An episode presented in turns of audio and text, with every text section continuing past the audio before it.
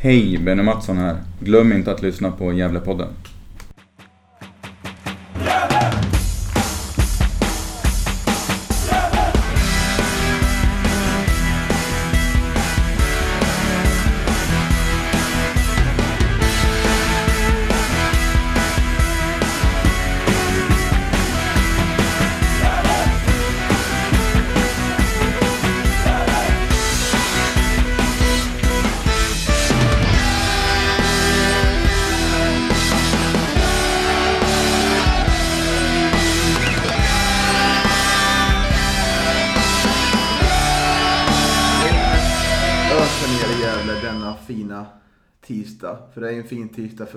Vi kan spela in Gävlepodden 197 i ordningen.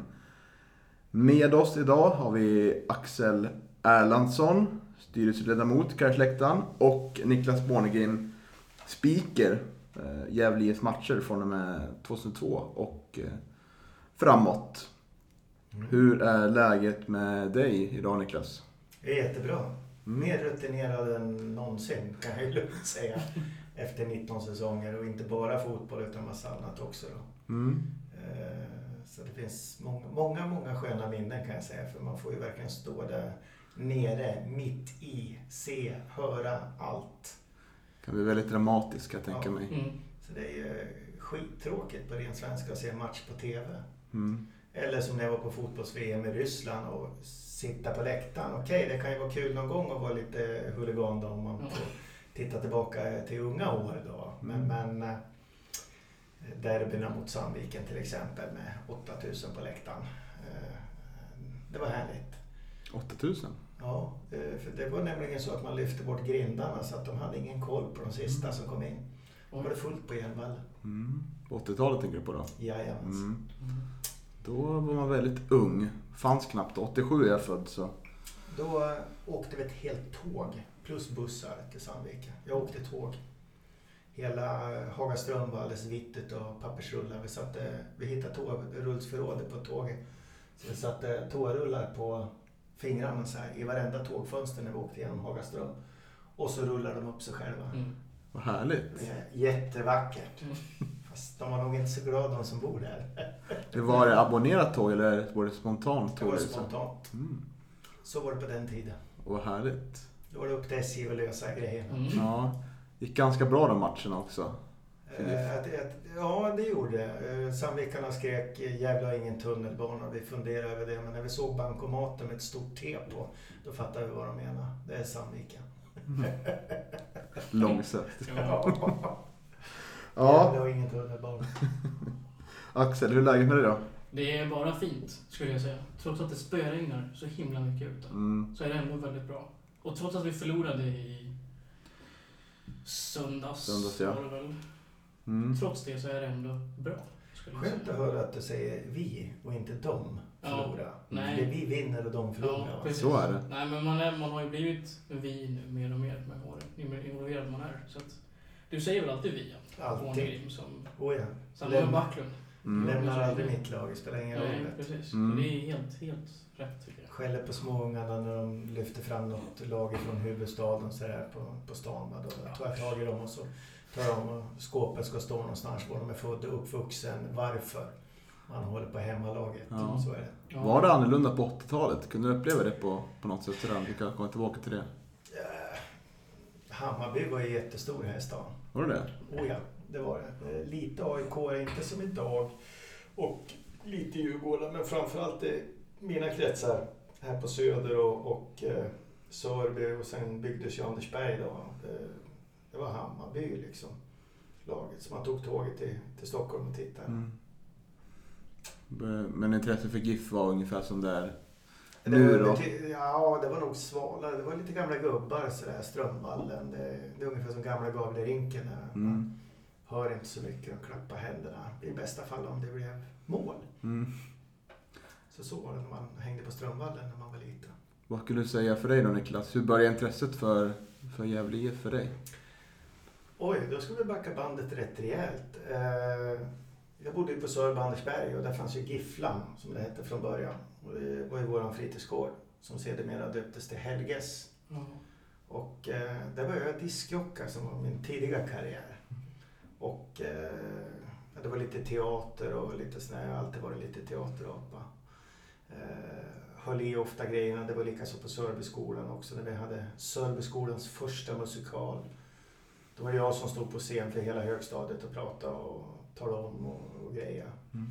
Sen så diskjocka på och så vill man ha lite musik till eh, modevisningar som jag tvingade min lillebror på den tiden han såg snygg ut. Peter Bornegren alltså. Jajamensan. Idag ser storebrorsan bättre ut än han. Om jag själv får påstå det. Eh, så började jag köra modevisningar och det saknades någon, någon konferencier där. Och så begav det sig så och sen vart det någon friidrottsgala eller vad det var för någonting. Och så byggdes det på hela vägen. Mm. Men så slutade jag ett antal år med eh, Gä- Gävle IF så att säga. Va? Eh, för det var ju mycket friidrotten och så förkopplat till, till fritidsgården. Då. Mm. Mest friidrott. Med Erik Pros och andra ledare. Eh, så jag var ju verksam där. Eh, då brann ju mitt hjärta för Brynäs då. Eftersom jag är född på Brynäsgatan 8 då. Och, Mm. och ståplats. Eh, Mm. Så det bildade jag och tre andra killar. Förmodligen det organisationsnummer som är Brynäs Hejaklack idag då. Det hette Black and White på den tiden. Jag vet inte vad kidsen kallar sig för nu. Så då ledde jag den klacken och sen så gick det vidare och så började jag spela musik på Gavlerinken. Som jag inte skulle få göra först för det var ju tyst som på Strömvallen. Ja. Jag tyckte det behövdes levas upp lite grann så då skapade jag det här som eh, jag är först i hela världen faktiskt. Eh, Med Emil Snickerboa och såna här Mm. grejer om blir utvisade. Ja. ja. Intron överhuvudtaget fanns inte i någon idrott överhuvudtaget. Och det där växte så jag fick ju lära upp halva Hockeysverige kom hit då. Eh, Och eh, körde några landskamper och junior-VM och lite sånt där. Eh, Så vart jag osams med Brynäs. Det blir man alltid i Brynäs. Ja. Det är lite värre i Gävle IF då. Eller lite bättre ska jag väl säga. Det enda vi har sett på årtionde det var väl det som hände i damlaget nu då. Ja. Man höjde på ögonbrynen för det är inte Gävle. Nej. Det stämmer Nej. inte. Men Brynäs är det vardagsmat. Ja. Kan jag lugnt säga. Så jag bad dem stoppa upp eh, grejerna där bak någonstans och så gick jag därifrån. Och då ringde, inte ihåg om det var Sven Engvall eller vem det var på, på Gävle IF då. Så att, eh, eller om det var Anders Berg kanske. Ja, jag kommer inte ihåg. Så att du måste komma hit och ställa upp för oss då. Mm. Då jobbar jag på Spendrup så att eh, jag sponsrar ju Gävle IF Mm. Mm. rätt styggt. Jag och eh, framförallt Magnus Grip och Micke Bäcklin. Då. Så vi såg till att både friidrotten och fotbollen här eh, nästan till ekonomiskt oberoende på diverse konstiga sätt kan jag väl säga utan att gå in på det. Mm. Vi hjälpte dem ganska mycket. Då. Och då blev jag ju speaker där. Men före det så hade jag gjort min, en av mina största grejer egentligen om man tänker på publik. Och det var det att jag, jag höll invigningstal på Garderinken i curling-VM. Oj då. Mm. Mm. Dramatisk sport. Ja, och så lite engelska också då, svänga sig med. Det, det var lite sådär och eh, kommer dit och det står liksom 7-10 tv-bussar, direktsändning, Eurosport, eh, Mm. Kanada, Skottland, Japan, överallt. Då började jag fatta vad det var frågan om. Och sen så ska jag upp då, läst på programmet och så upp på scenen. Presentera lite folk som ska in då. Då ringer min pappa precis, för han ringer alltid vid fel- tillfälle. Om man ser mig i TV, Mm. att jag, åh jävlar spelar det jag tittar på, för han alla tv-kanaler bor i. Uppsala. Ja men det är ju Niklas, jag ringer han. Mm. I den 53 matchminuten så tar Gävle... Farsan. Jag ser dig i TV. Visst är det skönt? Han kommer liksom på att han ska ringa dig när han då ser dig. Ja, jag just det, just det. Jag ser dig, jag ser dig i TV. Jag blir så trött. Precis när jag ska upp på scen där i Curlingven, där, där ringer farsan. Så, jag är skitstressad farsan, säger jag. Uh, jättestort så här. Uh, hjälp på TV. Ja, vilken kanal? Alla kanaler, så, så knäppte jag av telefonen. och så gick jag upp och så körde jag det. Det var ju antal miljoner tv-tittare. Men det, Mm. det är svårt att förstå det med alla kameror och allting sånt där. Häftigt ändå. Det är häftigt det. Ja. Det. När man gick ner därifrån så var man... ja, precis. För får du inte den där kicken, eh, att det är mycket folk eller det händer någonting, att du, du är taggad. Då får du inte igång alltihopa. Det är, det är nästan som en idrottsman. Alltså, nu, nu Mm. jävlar ska vi ta Mm. det. Och det är det jag försöker trimma spelarna. Mm. De går in. Efteråt är det ingen idé att säga någonting. Då Nej. smäller det i alla dörrar. Mm. Det Det gäller att passa säga. sig. Mm. Passa sig då. Men eh, vi som är lite äldre vi brukar säga det, det sitter i den ungdomliga hjärnan som behöver utvecklas lite mera. Mm. I mångt och mycket. Ja, det ligger mycket i det. Eh, Ja, Axel, hur började ditt intresse för, för Gävle IF då, du säga? Mitt intresse började väl egentligen för att Josef, som är min kompis, som Mm. hade den här podden förr tillsammans med sin eh, farsa. De tog med mig på fotboll. Och jag hade väl egentligen inget så intresse för GIF innan alls. Utan jag spelade i... Jag minns inte om jag hade bytt till Brynäs eller om jag var kvar i IFK Gävle. Det kommer jag inte ihåg. Och sen så, enda fotbollen hade hört talas om, det var ju egentligen storlagen på den tiden. Barcelona och Inter och sådana lag. Mm. Chelsea och så också. De där, det var liksom de som gällde. Men så fick jag följa med på match och vi mötte Helsingborg hemma på Strömvallen. I slutet av säsongen, har jag för mig det var. 2007 Mm. vill jag säga att det var. Och så vann vi med 4-0. Oremo gjorde två mål va? Typ. Ja, och de gjorde två. Lant gjorde ett på slutet för mig. Då var man rätt hes på slutet kan jag säga. Ja, alltså det var en jättehäftig match. Och Mm. då var jag ju inte alls lika insatt som idag. Men det var ändå, alltså vilket avtryck det lämnade. Det är ju fortfarande bland det största. Ja. Men, och där liksom, då fattade jag att det är kul att gå på fotboll och så tyckte jag också det var kul att gå på hockey. Så det var liksom det man gjorde. Men jag hade inte, jag hade inte säsongskort förrän flera år senare. Men det var väl då man började fastna på riktigt, när man hade säsongskort och var på varenda match i princip. Mm. Stod i klacken. I alla fall varenda match. Jag fick en liten flashback. Du sa inte. Ska jag berätta något som väldigt få människor vet om. Ja. Det finns en väldigt berömd eh, portugisisk fotbollsspelare som heter Luis Figo. Ja. Mm. Eh, Portugis, spelar Inter. Mm. Mm. Han la ju av då det året. Eh, som jag pratade om, jag kommer inte ihåg exakt vilket år det var. Mm. Så jag satt och funderade. Fan, vi behöver ju lite bra spelare i Gävle också. Eller hur? Mm. Ja. Eh, Hur kan man tänka så när man i en liten eh, nedre Norrlands mellanstad? Så här, det är väl klart man kan göra det.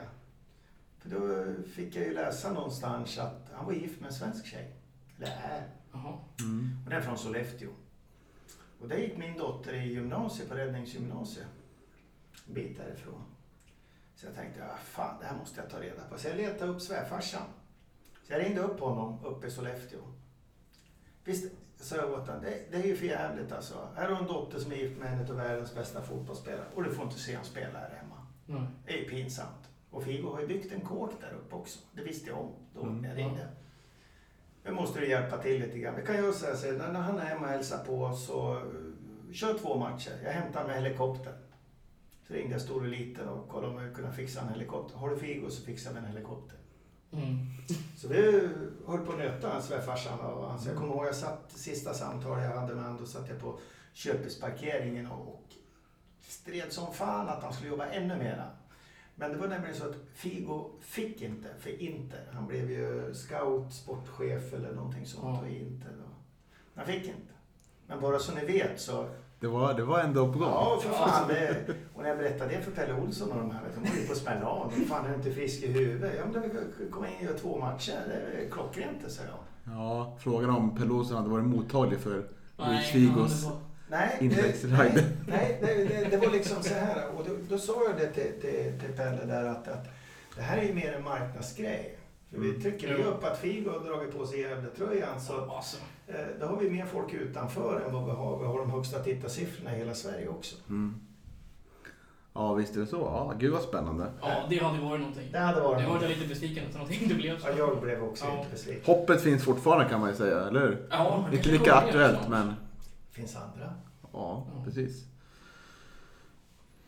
Om vi kan komma in på årets upplaga av Gävle IF då.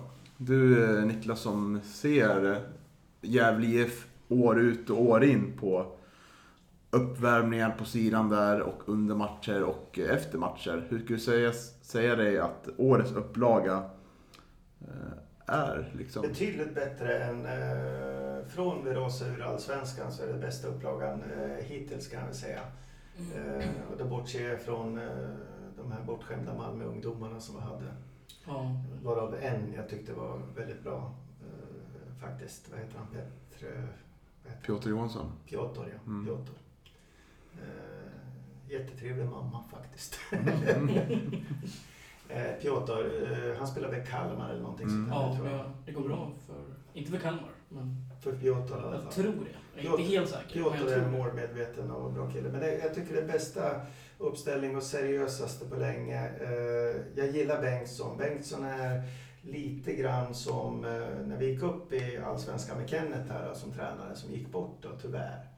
Eh, lite jävlar anamma. Jag sa ju innan här att eh, när han blir förbannad, det hörs ju på Bengtsson. Va? Mm. Han skriker och domderar och när han drar på en jävla spark på vattenflaskan så att jag får den mitt i nyllet och håller på att tuppar av. Det, det, den tar jag liksom. Va. Mm. Men, och det, det, den inställningen jag vill ha. Va. Varje match är en VM-match. Mm. Det, det är liksom det. Va. Skulle du uppleva att det här är ett bättre lag än Superettan? Superettan-laget vi åkte ur med? Ja, eh, det fattas en hel del och det såg vi i andra halvlek och det är det vi ser emellanåt. Men om vi tittar på första halvlek. Mm. Vi klarar inte av att bli tillbakapressade. Eh, Man försöker alltid att spela sig ur situationen och kanske man inte ska göra utan då får man väl slå en Pelle Olsson-boll upp då och lägga press på en gång för att komma ur situationen. Va? Man behöver inte göra det jämt men är man så tillbakatryckt så man har fyra, fem meter kvar till, till kortlinjen va? Då, då lär man göra någonting Mm. radikalt. Mm. Då är det liksom för långt. Då ska man kanske inte spela sig ur det där varje gång. Jag håller helt med. Det har vi sett i Det- flera det- matcher. Därför att backlinjen har inte den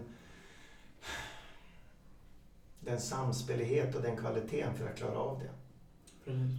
Mm. För eh, vi mot dem, ja vi spelar i samma serie, alltså betyder det att vi är ganska lika ändå. Eh, då kan man inte vara så cool. Hade vi spelat Allsvenskan och de spelar ettan så då kanske man hade gjort så. Många gånger. Mm. Han har fått lite kritik, eh, Micke Bengtsson, av, av supportrar att han inte har någon plan B för när matchplanen inte fungerar. Vad tycker du, Axel? Kan du hålla med om det påståendet? Om du Ja. ser på matchen senast. Det, ja, det kan jag nog göra med, med flera matcher som exempel. Att när det inte vill sig, då, då går det liksom inte.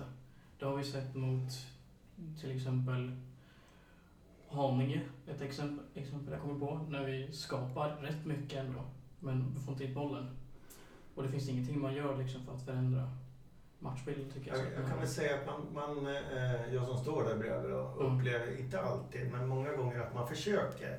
Jag kan säga det att spelarna kanske inte är så mottagliga eh, för de sakerna på planen. Va?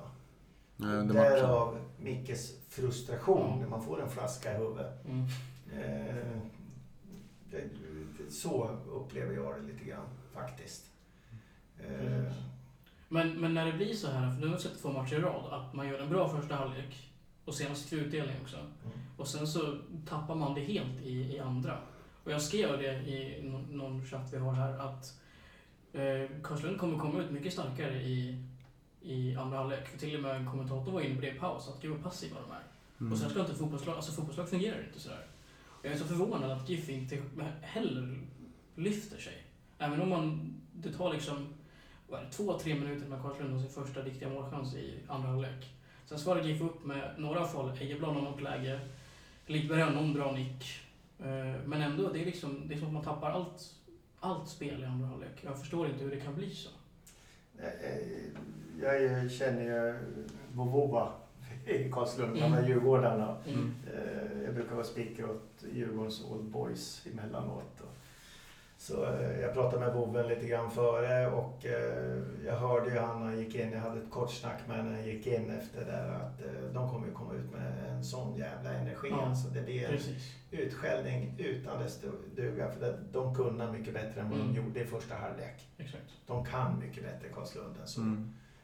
Men de ställde in skorna och vi spelar bra. Det, så enkelt var det. Och den energin hade de också. Och det försökte vi liksom påtala, eller Bengtsson, då, för, för våra spelare. Va? Mm. Men det kopplade inte. Nej. Så- Nej, det kände också att Karlslund gjorde väl inte jättemycket saker annorlunda men de rörde sig väldigt bra och var, hittade den här ytan Mm. som man pratar mycket om mellan försvarare och mittfält. Och där var liksom inte Gäller riktigt påkopplade. Och det får ju- mål på sina målchanser Ja. också dessutom. Mm. Ja, Lidberg har, har ju tyvärr inte gjort... Haft, han har haft en del chanser två matcher i rad nu, men har tappat det här vansinniga målfacit han hade under våren och sommaren. Han har börjat gjort någonting som inte han kan. Missa. Dribbla. Mm. Komma Mm. till skott och dribbla. Precis. Han är lättläst Lidberg. Faktiskt. Mm. Eh, så att, eh, han ska skjuta, han ska rakt på. Precis. Strike. Mm. Ja. Ja, det är intressanta aspekter hela att eh, vi kan ju, vi blir ju lite, lite sönderlästa. Mm. Eh, och eh, många har väl koll på Lidberg, han spelar anfallsfotboll också. Mm. Men det är intressant tycker jag att, eh, att det blir den här luckan som gör att de kommer in, får boll in där och sen är på kanten och sen inlägger mål. Att, eh, det kanske är för offensivt att starta med Ranera och Granat samtidigt på innermittfältet. Det kanske, vi kanske Mm. liksom, där vi inte har förspelet framåt utan vi blir, blir automatiskt att förbi liksom tillbakatryckta och eh, inte går för fullt framåt när vi leder med 2-0. Då Mm. kanske inte det är de två som ska, Det Spela samtidigt. som inte fixar det när de blir tillbakadryckta. nej, inte när det går fort. sig. Inte när det går fort heller. Det behöver inte ens gå fort, det är bara att vi står så oerhört stilla i vårt försvarsspel. Det är liksom, de, de kan passa runt bollen, en massa kortpassningar och våra spelare så egentligen bara kollar. Tittar man på ett av deras mål, jag minns inte vilken det är i ordningen, men det är när han skjuter från vinkel och så matchen lämnar en jättekonstig retur. Så skjuter han in den direkt på volley från andra. Det är så passivt försvarsspel och hela, alltså hela vårt lag i princip. Det är inte bara backlinjen, det är allihopa. Står liksom egentligen bara och kollar. Kalle Banner tjurrusar mot spelaren som uh, skjuter det där skottet här för mig. Mm. Och då är han i position sen. Och då är resten bara står och kollar och vrider, liksom följer bollen. Man har inte all- alls koll på vart de befinner sig överhuvudtaget. Jag håller med. Ja, jag tycker det är väldigt oorganiserat. Så Ja, det är oroande inför framtiden. För vi har ju sett i år att det här laget har ganska höga toppar. Mm. Men jag tycker man har låga dalar också. Att det är Ja. väldigt ojämnt. Och det kan ju vara beroende på vilken halvlek det är också. Utan, för nu har vi mött två lag där det borde vara sex poäng. Mm. Ja, Det hamnar på en poäng. precis. Så det är ju verkligen något som... Det här, vi har inte råd med det här om vi ska vara ett lag som ska åka tillbaka till Superettan nästa år helst då. Men det är ju som Karlslund sa efter. när, när jag pratade med dem före match. Det är ju så att eh, många motståndare kan man prata med före match. Eh, Man har varit med så många år så Tjena, eh, Mm. är du kvar? Liksom sådär. Och då, då Mm. får man en, någon slags relation då med, med dem. Eh, så det, det vet jag. Jag har ju en dotter nere i Halmstad och kommer att gå på gatan liksom. Nej men tjena, vad fan. Är Gävle här nere och spelar? Nej, jag hälsar på min dotter liksom. Mm. Okej, vad kul liksom. Du ska gå på match, hör av dig till kansli va? Mm. Okej. Mm. Ja. Eh, Ska vi gå in lite på, jag tänker, du är ju politiker också Niklas. Mm. Eh, För Moderaterna här i stan har varit eh, många år. Mm. Och det har ju hänt en del med arenafrågan tänker jag på som framförallt intresserar Gävle IF-supportrar. Du satt väl också med när alla turerna kring nya Strömvallen Mm. Hur, hur gick, eh, du som var inifrån, inifrån liksom, eh, grytan, hur gick, hur gick tankarna till och från med, det var ju först första förslaget där när man skulle ta bort K-märkta läktaren och. Ja. och sen vart det massa andra turer. Oh ja, jag hade en egen idé också. På den tiden så hade jag var gift och hade en svärfar i byggbranschen nere i Uppsala, Stockholm här som är född i Gävle. Eh, som åkte och tittade på mig och talade om för mig hur, hur vi skulle göra Mm. eh, egentligen då med Strömvallen. För jag ville bygga på Strömvallen. Och det är ju att det ska liksom gå tio år i Allsvenskan innan det är någonting som, som är gjort. Och det har väl lite grann att göra med eh, när man sitter i opposition. Det, det händer ingenting i den här förbannade kommunen. Va? Mm. Allt är tvåa, medioker, i mitten. Eh, sticker inte ut åt ett eller andra hållet. Och vi har en idrottshistoria i den här stan som slår alla städer i Sverige. Om vi pratar medaljer, pokaler ifrån eh, OS i konståkning till eh, på 20-talet och, och framåt. Hur mycket som helst. Mm. Hur mycket som helst. Men vi har inte gjort någonting för idrotten. Och när jag gick med i, i partiet och, och in i fullmäktige så kom ju då mitt parti på att eh, fan, vi pratar bara konst och kultur här. Allihopa. Alla Mm. pratar bara konst och kultur. Eh, och nu kommer en kille och ska driva idrottsfrågor. Och då börjar man förstå hur stor idrotten är i stan och folk börjar vakna till. Vad, är det frågan om? Och det gjorde ju då att eh, majoriteten med, med S då be, börjar ju få kalla fötter helt enkelt. Någonting måste göras. Det fanns ju någon där som gillade idrott i alla fall, då, då, nämligen Per Johansson då, som jag pratar mycket fotboll med. Eh, och han försökte tala om för sitt parti att eh, fortsätter det så här så kommer Moderaterna vara ett större parti än Socialdemokraterna för så många idrottsintresserade människor bor i Gävle. Om inte vi gör någonting åt det. Det här är jaga majoriteten hela tiden. Mm. Det är som en fotbollsmatch där, va? Eh, Det ska man ha klart för sig oavsett vilken färg man har. Eh, Och då börjar vi ju dra igång det här äntligen väldigt för sent tycker jag. För hade vi haft de här åren med ny arena och, och kunna jobba på i Allsvenskan med ny arena. eh, Då kanske vi hade varit kvar och haft andra förutsättningar Precis. än, än som vi har haft då. Vi kommer in på Gavlevallen en och en halv säsong och sen är vi ur. Mm. Eh, Det är fruktansvärt. Nu säger de som inte tycker om idrott så mycket, ja varför skulle vi ha byggt en ny arena? Får jag höra Mm. väldigt ofta. Ja tyvärr så byggde de tio år för sent. För det är ditt fel brukar jag säga. Mm. Eh, och, det, och lite grann så är det. Jag ville göra Strömvallen i alla fall. Och, eh, nu blev det inte så för jag ville ha närheten. Jag jobbar med evenemang mycket i mitt liv. Och jag ville ha närheten till Bologneskogen. För kommer ni ihåg det stora fotbollskalaset som vi försökte med och Mm. gjorde? Mm. Eh, Jag vill ha närheten till restauranger, hotell, Mm. promenader. Eh, Men då kommer ju det här komplexet som vi kallar Gavlehov idag då. Eh, Som jag kallar Moskva-VM 82 liksom. Va? Det ska byggas ett jävla betongkomplex. Helst så billigt som möjligt, men stort och mastodont ska det vara. Va? Där är det lite bättre utrustat än, än, än så. Mm. Men, men just att du, du ska åka till Gävle med tåg och sen ska du byta och åka buss till nästa ställe. Och det ska transporteras folk fram och tillbaka. Va? Det, Mm. det är inte okej, tycker jag. Du ska kliva av på Gävle centralstation om det är AIK. Sen ska du promenera till eh, fotbollen och gärna till hockeyn. Jag kan ju säga att Gavlerinken var ju också en sån här på ritbordet. Först så skulle det vara ovanpå nian som Madison Square Garden ungefär. Oj. Sen skulle det vara ute på Alderholmen. Sen Ja, var det en gubbe som jag jobbade åt, som Janne då, som hade också gjort en ritning ute på golfbanan, eller Avan då, Tippen då. Men om man nu förstår lite grann om ekonomi och, och funktion och sånt där, så ska event, det ska vara centralt. Ja. Allting som lockar många besökare ska vara centralt. Det gynnar all ekonomi. Men det är lite svårt att förklara, både för mina partikompisar många gånger och Mm. på andra sidan, då, hur, hur en blomstrande ekonomi fungerar. Hur märkte du att, eh, för det var ju att först ville man riva K-märkta läktaren på Strömvallen och eh, få till nya läktare med etageläktare kan man säga. Mm.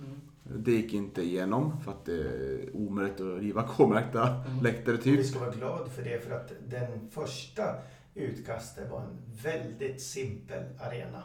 Mm. Eh, typ superettan, något lag som är uppe fram och tillbaka. Väldigt simpel arena. Eh, så det hade inte blivit något bra alls kan jag säga. Eh, jag var på några möten och träffade då utredaren från Länsstyrelsen för att eh, Länsstyrelsen som har hand om de här Q-märkningarna och K-märkningarna som vi pratar om. Då. Eh, och eh, han sprang ju bara fram till mig första gången vi träffas och, och sa att "Eh, här får man inte göra någonting. Jag går på fotboll, jag tycker om det här. Det här är att, att riva eh, historia. Riktig id- svensk idrottshistoria och det förstod man inte inne i kommunen. Mm. Och då ville man göra det där. Va? Sen dök ju Gavlevallen upp och, och vi hade ju en bra arkitekt som hette Johan Skog. Mm. Eh, Det ska vi vara glada för. Som alltid går på fotboll och alltid följer Gävle och spelar. Som junior i alla fall vet jag. Mm. Eh, Och då blev det ganska bra. Och då fick vi in politiken och Gavle Fastigheter, Per-Arne som har suttit i huvudstyrelsen som är VD där. eh, In att vi måste göra det här ordentligt när vi ändå gör någonting. Märkte du på något sätt om, om vi kollar oss kvar vid Strömvallen, var det någon brytpunkt där du märkte att efter alla dessa år att äh, nu, nu, börjar, nu, nu kommer inte Strömvallen bli av längre utan nu kommer man byta till Galo. Var det något speciellt tillfälle där du märkte inifrån att äh, nu kommer inte bli någonting av det där? Ja, det var ju när Länsstyrelsen sa ifrån. Då var det ju broms i hela maskineriet. Eh, och lite panik bland majoriteten då, som, som håller i klubban och styr vägen så att säga. Eh, och då hade man ju då liksom fallit in på att man skulle göra en ny arena. Och så får man inte göra det här. Nej. Vilket hade blivit en ganska simpel arena då, som jag sa. Eh, utan man måste hitta andra vägar. Eh, och då var det väl så, skulle jag kunna tro, att Per Johansson, Karina Brank och de sa att nej, nu, nu får vi göra det här ordentligt och börja se över det här. Vi får inte glömma friidrotten som haft enorma problem då. Och, lite annat. Va? Och då, byggdes det på och då fanns det liksom ingen stopp riktigt i budgetprocessen som kan vara en eh, jättetuff grej. Då. Mm. Vi har ju en sån som seglar upp nu för kulturen, KBC. Mm. Mm. Mm. Den kommer, kommer ni få läsa om i tidningarna ordentligt. Spännande. Och få ont i magen över kan jag säga. Mm. Eh, Men eh, var det några andra platser som inte... För utåt sett så, så verkar det som att man ville eftersträva liksom Uppsala-modellen med, ett, med Fyrishov och Mm. bandy, fotboll på samma plats. Och det Var det något annat det ställe, fanns, ställe i Gävle? det fanns ett sånt tankesätt, eh, tror jag, ganska tidigt egentligen. Att, att eh, samla idrotten och, Mm. nyttja vaktmästare på flera sätt och andra saker. Vid evenemang kunna göra större grejer då. Eh, så att, eh, och det var ju före Uppsala. De är för fan tvåa. Mm. Ja, Mm. vi, är före. Men, men just att kunna samla idrotter. Och det har med K-märkningen, den brytpunkten, eller Q-märkningen ska jag säga, utav läktaren då. Där att vi måste, det är stopp, vi måste göra någonting annat. Och då kommer det här, okej, vi måste göra någonting för friidrotten också. Vi måste göra det här. Vi måste göra det större och, och samla idrotten i det här området. Det som är lite olyckligt idag om vi tar Gavlehov då, det är väl bland annat att man lyckas då man ska ju gynna alla parter. Så vi tror ju att vi kan bygga ut hur mycket som helst då. Med, om badminton blir jättestort eller amerikansk fotboll eller någonting. Men det är ganska stopp som det är nu för att nu har man ju då ritat in naturreservat runt omkring då. Just det. Ja, det där lilla partiet runt 4% spärren där, de Mm. tycker om sånt då. Så att det- blir jättesvårt för oss att utveckla. Tänk om vi vill göra fem konstgräsplaner till då. Mm. Mm. Jag pratar ju om konstgräsplan jämt när jag sitter i Gavle Fastigheter. Mm. Vi har ju fått en ny matta i år. Mm. Mm, efter fem år då. Mm. Och den gamla till Nynäs. Och den är av absolut högsta kvalitet. Som går att köpa överhuvudtaget. finns några att tacka för det då. Mm. Som är dryg, som de säger då. då. Men det var inga andra platser som var tänkt, som var liksom, Nej, pratades om? nej eh, inte var det. Utan då gick man från att eh, göra en billig penning till att, att göra en, en stort arenaområde. Mm. Vad upplevde du så här efterhand då? Om du tar Strömvallen kontra Galevallen. Vad liksom är de stora... Det här är Strömvallen är en gammal, gammal eh, fastighet. Mm. mycket eh, gamla omklädningsrum och allt möjligt. Vi rustar ju den nu. Ja, det Precis har jag sett. Det har ni sett. Ja, oerhört fint. Gavle Fastigheter rustade nu och eh, den, den ska bli så som ståtlig som den var en gång i tiden. Mm. Alltså, Blir det en eh, ny... Eh, skylten där vart ju snodd. Kommer du ihåg den? Entréskylten. Strömvallen av... Jaha, det är vi här förskjutet Ja. någonstans. Mm. Den som man ser när man, eh, som man såg när man kom in på där gamla toaletterna låg typ. Den, den entrén. Jag vet inte vilket nummer den har. Alltså bort mot högskolan menar du? Nej, för där. Före mot Blå huset Där som vi kallar det. ja, stora grejer. Ja, precis. Jaha, Hemma. Sektion A blir det väl, den entrén. den Typ. entrén. Mm. Det är väl mitt stora problem. Det var delvis där väldigt tidigt och jävligt bråttom när jag kommer. Mm. Jag, jag ser ingenting, jag ska bara in. Men det är väl ett önskemål, en fin entréskylt i Strömvallen. Det Ja. saknas ju nu. Kan ta upp det imorgon, Mm. ordförandeberedning imorgon. Jag har, Ja. fick en annan på stan också. Att, eh, rådhuset, eh, klocktornet lyser inte, lamporna har ramlat ner eller något sånt där. Va? Gävleborna ser. Mm. Man är uppmärksam på sin stad. Ja, och då är det alltid kul att ha såna här grejer med, med sig i bagage när man sitter på något på politiskt möte och så får de köra av allting sitt, tjänstemännen och så. Hur är det med lamporna på rådhusklockan egentligen? Eh, ja, inte fixat, det var så i tre år. Ja. Jag skulle göra det. Det blir man treskylten på Strömvallen, den som Mm. de snodde. Mm. Mm, precis. Sånt Mm. tycker jag är jätteroligt. Man ser och uppmärksammar. Man får Yes. se på ett bra sätt naturligtvis. Absolut. Hur skulle du säga då att intresset är för Gävle IF i, i kommunfullmäktige exempelvis? Eh, Ja, det är ju väldigt eh, få som är sådär jättesportintresserade. Vi är väl några stycken i alla fall. Då. Mitt parti så är det Måns och jag, eh, Måns Montell då, som också får i Gävle stenhårt kan jag säga. Sen är det väl eh, sossarna så är det väl eh, Lasse Öberg då. Eh, idrottsintresserad. Eh, Edsvik har väl lite koll sådär, men inte värst mycket. Men han är ju från Ljusdal han också, så Mhm. det är inte så konstigt. Vi har misslyckats med integrationen brukar jag säga. Lars Bäckman då? Han är ingen stor Och, GIF-supporter? eh, han är gammal fotbollsdomare. Ja. Mm. Eh, var säkert kontroversiell även på planen skulle jag kunna tro. Eh, så han, han dömde eh, en hel del fotboll längre tillbaka faktiskt. Eh, så han har lite koll. Han läser resultaten och, och är med. Eh, Ja. Mest för att trimma mig då. Ja, ja. För det, förlorar Gävle så får jag höra det i fullmäktige. Mm. Mm. Det är inget bra det där Niklas. Det kanske inte skulle ha byggt den här arenan. Eller hur tänker ni göra åt det här? Gävle va? Mm. Oj, oj, hårda. Ja. Hårda bud. Ja. Och svårt med pengar från kommunen också då. Mm. Eh, Då David Hussein nämnt. överhuvudtaget. Då, men Mm. elitidrotten då som jag tycker vi ändå hör till. Det har ju jävligt tufft idag och Gävle IF fotboll är ju den största föreningen alla kategorier med antal människor i föreningen. Mm. Och faktiskt den största när det gäller integrationsarbetet. Mm. Eh, och eh, då kan man väl tycka egentligen då att eh, även mitt parti är ju väldigt sparsamt när det gäller sånt här, att man ska stå på egna ben och sånt. Men jag, jag tycker överhuvudtaget så är det väldigt sparsamt från, från kommunen då, men när det gäller satsningen på idrotten och vad idrotten innebär.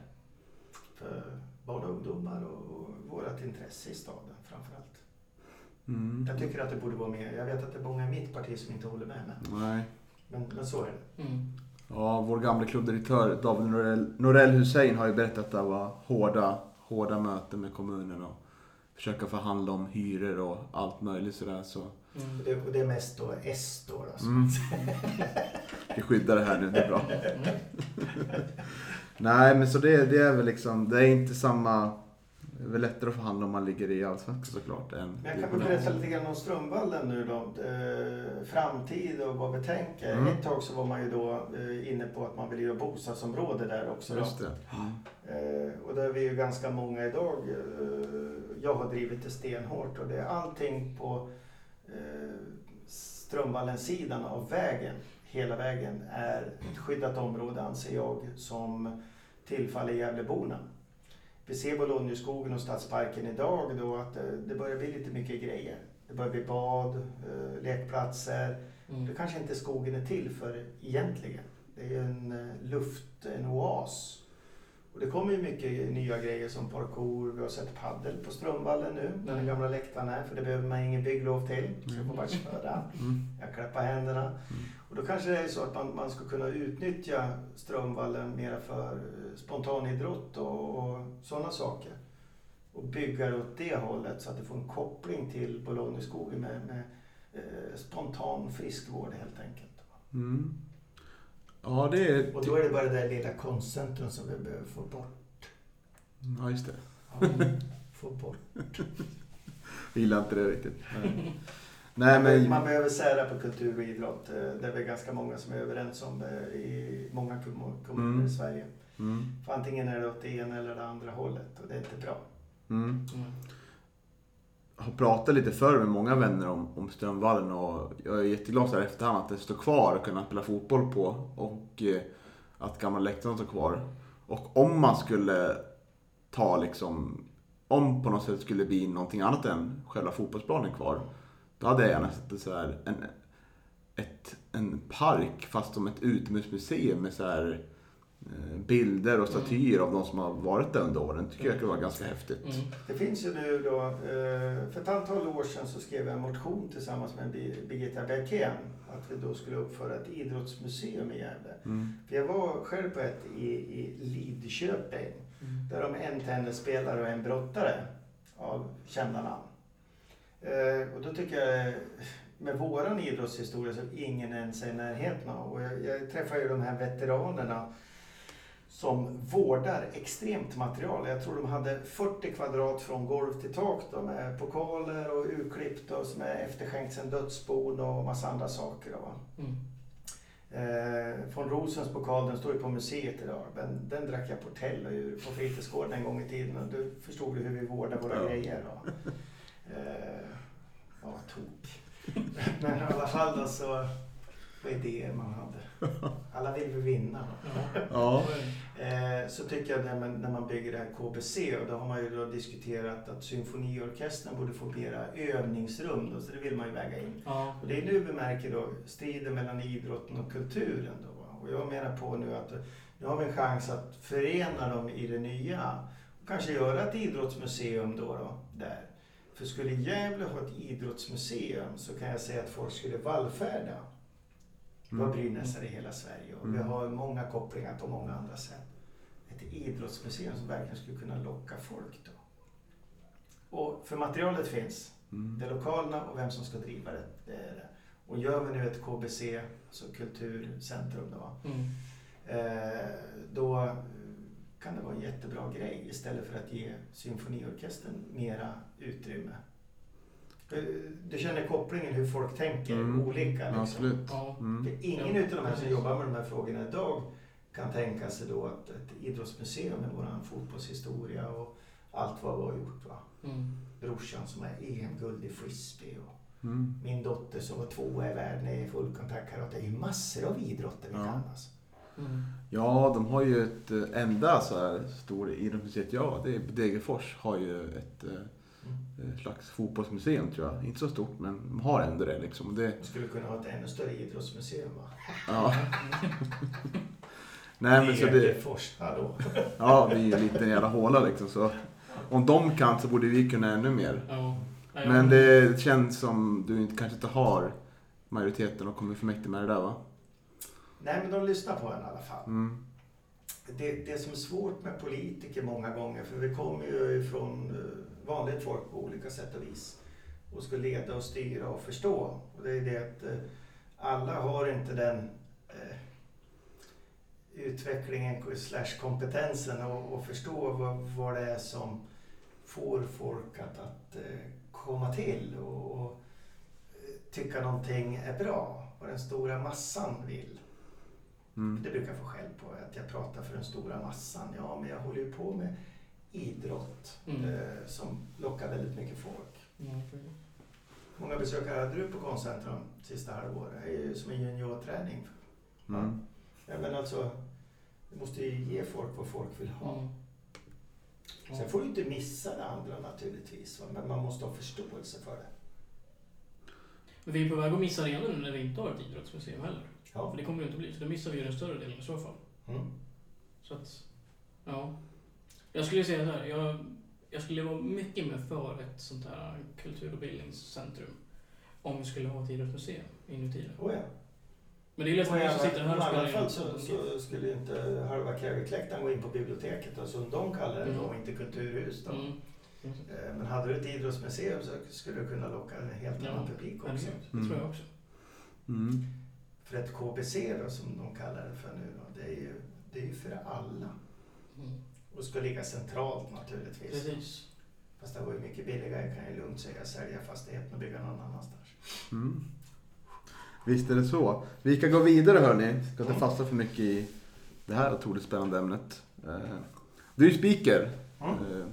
Vad är det värsta du har hört under dina snart 20 år?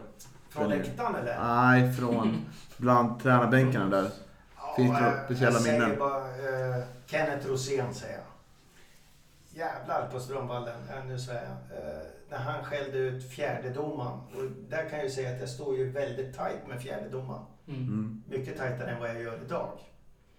Eh, när vi har en fjärde domare måste upp i seriesystemet naturligtvis. Ja, eh, står där och han skäller ut han så att jag sket ju ner mig fast jag står bredvid. Då vänder sig fjärde domaren om och då tittar Kenneth på mig och så blinkar han och så garvar han för han såg att jag såg vettskrämd ut alltså. Fast det var inte riktat till mig en gång. Alltså en människa som kan bli så jävla elak i det ögonblicket. För att du ska gynna honom själv på något Precis. sätt. Är, Spelade en teater. Mm. För eftersom han flinade efteråt så blinkade åt mig. Han såg min min alltså. intrycket man har fått av Kenneth så här efterhand är att många har ju både Sulan och Anders Wikström och Benny Mattsson har ju pratat sig eh, väldigt varmt om honom som person. Att han är otroligt eh, öppenhjärtig och han bryr sig om alla. Liksom. Det är det viktigaste. Liksom. Och Mm. genom det får man fotbollen att blomstra. Det är lite uppfriskande en sån här historia då. Nej, han kunde för tusan. Ja. Och skojfrisk var han också. Mm. Det är många tränare som är skojfrisk och så finns det ju några som är så... Ja, Rickard Norling, den skulle man ju kunna släppa ner i ån och släppa där nere, det kan jag lugnt säga. Mm. Man, man har ju sett att träffa det mesta, kan jag lugnt säga. Ja, Är det någon som har anmärkt på dig? Vad du har gjort någon gång? Har du hamnat i skottlinjen eller något? Nej, men vi hade en gång då eh, Radio Riks sponsra och så skulle ju då, eh, vad heter hon nu då? Titti. Titti. Schultz skulle ju då eh, dra eh, motståndarnas line-up. Mhm. Och eh, då fick hon ju för sig så hon la in, eh, var det Häcken tror jag va? Så hon la in Kolle. Eh, Anders Kolle Johansson. Ahmed Kolle Mohammed. Liksom så här va, hela vägen. Varför det? Och det tog ju lite längre tid för hon har inte det där rappa, hon är inte van att göra en line-up. Det är en Nej. jävla skillnad på line-up och prata i radio. Så det tog en jävla tid och då var de ju rosenrasande. Så fort då? de var klara då fick jag bara slita micken och få alla att glömma och köra jävlar, kom igen nu då. Så. Mm. Var det Häcken då som var Ja, det var rasande? Häcken. Jag var helt skitförbannad. Och, eh, Vi hade ju, på den tiden så, eller Allsvenskan så har man ju möten, både förmöten, polis, eh, Ja, allihopa och Mm. förbund och du har matchdelegater på plats som sitter kontrollerar att jag pratar med motståndarlagen. Hur uttalas eh, namnen? Till exempel. Mm. Eh, och då kan jag berätta att Pelle Olsson sa till mig en gång att eh, vi blir ju mobbade när vi åker till andra ställen. Lilla Gävle. Vi kommer till Söderstadion, Hassebergen har ju tagit guld med Hammarby. Och tillsammans med Starken då på den tiden. Vad säger samma speaker? Han kallar för typ Hasse Bergström. Mm. Eh, sådär, bara för att trycka ner. Så, Mm. Eller så att du ska säga fel. Mm. Det är ju jag som får skit för det där. Mm. Och då finns det ju en spelare som jag faktiskt har satt namn på. Ordentligt. Oj då. Mm. Och det är en Djurgårdsspelare. Han dök upp här i Superettan också. Och han bara ruskade på huvudet åt mig och så när han gick in på uppvärmningen, du din jävel. Får man visa det till någon? Kan det vara Kebba Ceesay? Ja. Ja, jag kan jag gissa det. För då sa jag, kebaben, kebaben. Ja. Och då reste sig de här tuffa pojkarna satt bakom Pelle Olsson. Mm. Djurgårdspojkarna, vad- de kallar sig för. Boys någonting va. Djurgårdens fina grabbar kanske? Ja, precis. Reser sig Mm. upp och de hade ju haft ett jävla liv där på sitt plats då. Och så reser de sig upp och bara asgarvar. Kom igen nu kebaben! Så ner till väg. "Ja, Kanon! För det hade de inte tänkt på själv i sina små hjärnor då. Ja, han hade ju... Jag tror vi... Jag får väl ta upp det. Jag, jag och några andra stod lite och eh, eh, sa väl något, något välvalda ord till honom på... Tror det var här cupmatch där. Otroligt så här, lite folk på någon cupmatch där. Och då, då provocerades han av det, så han skrek någonting tillbaka. Mm. Och därav liksom har väl några ett litet ky- Alltså, inte så bra förhållande till honom kanske. Nej. Sådär. Hur länge sedan var det här då? Eh, Ja, mitten av 2000-talet tror jag det var. Okej. Första åren i Allsvenskan. Mm. Det här kanske ni upplevde värsta eh, stoppet på Hassebergen en gång där på, på Strömvallen. Precis där, där, där ni står på ståplats. För morsan Mm. ska alltid stå med. Och mina druttar, de vill inte gå på fotboll för att farmor skriker så förbannat att domaren är dum i huvudet och ja, det är bara Mm. sånt. Alltså. De vill inte gå på fotboll, Ja. det är så pinsamt med farmor. Hon blir så het, morsan. Då. Då hade hon ju skrikit åt Hassebergen, han var ganska slut, det var sista säsongen. Och då hade han stannat, tagit sig för knäna. Så. Så han ju vänt sig om och skrikit, ja, fan jag orkar ju inget mer eller någonting sånt där. Upp mot er där jag står. Ja, Han han, hade då. han var trött sista året, Hasse. Hårt? Skadebenägen. Ja. Hasse, jobba nu då för fan. Eller hon hade Mm. skrikit då. Men hur, hur går processen till då på matchdagar som speaker? Hur börjar Eh, det? Det är betydligt enklare nu. Eh, Däremot så har de andra lagen varit eh, väldigt eh, hög. Delvis har vi corona. Mm. Eh, Första matchen sa jag, det här är ingen jävla träningsmatch. Här är full uppställning i korridoren som gäller. Mm. Eh, va? sa de. Eh, vi körde ju line-up i början också då. Mm. Mm. Men det ville de ta bort sen då. De tyckte det är så jobbigt med, med några få åskådare. Eh, men vi vill ju försöka behålla matchkänslan och vi vill försöka och vi behåller precis som att vi driver en allsvensk match. Mm. Och det imponerar på de andra lagen. Faktiskt. Mm. Att det är lite klass på det där. Då har vi med oss från Allsvenskan så här jävla ska det fungera säger jag och så pekar med hela armen. Och, Mm. och, och då blir det så. Det tycker jag är helt rätt ändå. För har man den målsättningen då blir det liksom bra automatiskt. Man ska liksom sikta så högt som möjligt. Oh ja. Man ska inte vara ärlig division 1, då kan vi göra liksom lite vad vi vill. Det är mycket Nej. bättre att sikta högt på en Det är match helt och vi ska tillbaka. Mm, Eh, precis. Så är Det det. är lika bra. Så är det liksom in i rutinen när vi kommer tillbaka. Det är liksom perfekt. Så det är lite utmaningar med det här viruset då, kan jag tänka mig. Ja, Mm. det är det. Eh, ekonomiskt om inte annat då, kan man Mm. väl säga. Men det är ju för alla. Eh, jag satt och åkte hit i regnet och körde fel först nu då, men, men eh, så satt jag och funderade på det är någonting riktigt jävla kul jag kommer på. Liksom. Jag kom på två saker. Det ena är den här berömda Malmö-matchen. Vi ligger under med 03. Eh, 0-3 ja. Och Voxa på mittfältet. Och jag står ju bredvid kanten där. Och jag blir ju så frustrerad. Det är enda gången jag fått en anmärkning av fotbollsdelegaten. För jag står ju då framme vid linjen och tycker att han är så jävla värdelös. Han ska vara skitbra. Mm. Och skriker åt honom att "Du är dum i huvudet din jävel och du ska vara ju speaker. Spela bollen, ta i för i helvete skriker jag. Och jag ser Voxas min, han bara tittar på mig så här. Då reser sig styrelsen upp och så skriker de Sätt dig ner Niklas! Och jag tittar på dem ungefär som de är dumma i huvudet och fortsätter att skrika. Ja. Där någonstans vände matchen. Det är rätt häftigt. Mm. Det är ett skönt minne. Det andra är att jag skojar ju alltid med TV-teamet. Då har de ju, sätter de ut när det är allsvensk match, så sätter ut den här mikrofonen och sätter de här långa, luddiga precis, sakerna. Och den såg ju då inte sittplatsläktaren utan den stod ju framför skylten som nästan var på sidlinjen. Va? Så jag tänkte, åk till matchen, fan ska jag driva med de där jävlarna? Tänkte jag. Så att, eh, jag åkte hem till eh, en dam i partiet som har hundar i villastan. Så jag lånade ett sånt där koppel med tre såna här bajspåsar knutna där på kopplet. Och så var det spel ner till, till höger eh, från min sida sett då, där nere. Så gick jag ut och så drog jag på kopplet på micken. Alltså. Och så handen i byxfickan och så visslade jag så ungefär som att nu står hund och pissar. Det här är tv-kameran kommer så här, för det här skojar om det här för dem. Så här, kommer det så blir det så här, tvärnit på kameran. Tillbaka. Det ser ut som jag står och vattnar hunden precis vid fotbollsplanen. Det är match idag. Så det sa de på mötet efter. Det är fan inte klokt det. Men ingen bakom såg det här. Mm. Precis vid linjen liksom. Apropå det, TV-teamen, hur mycket gillar de att komma till, till gamla Strömvallen och rodda upp och filma? Ja, det är extremt jobbigt för dem. Mm. Extremt jobbigt. Eh, sen är ju, det var ju alltid problem med, eller alltid, off, många gånger problem med ström, tillförsel, proppar, eh, alltså lamporna. Första som kom upp, det slocknade hela Mm. arenan. Jättestora problem hade vi Mm. Faktiskt. Eh, skitjobbigt. Ja.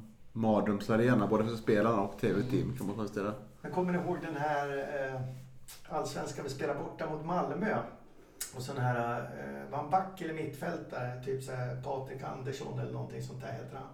Han var ju så förbannad i TV. Han stod och skrek när de intervjuade på eh, sporten.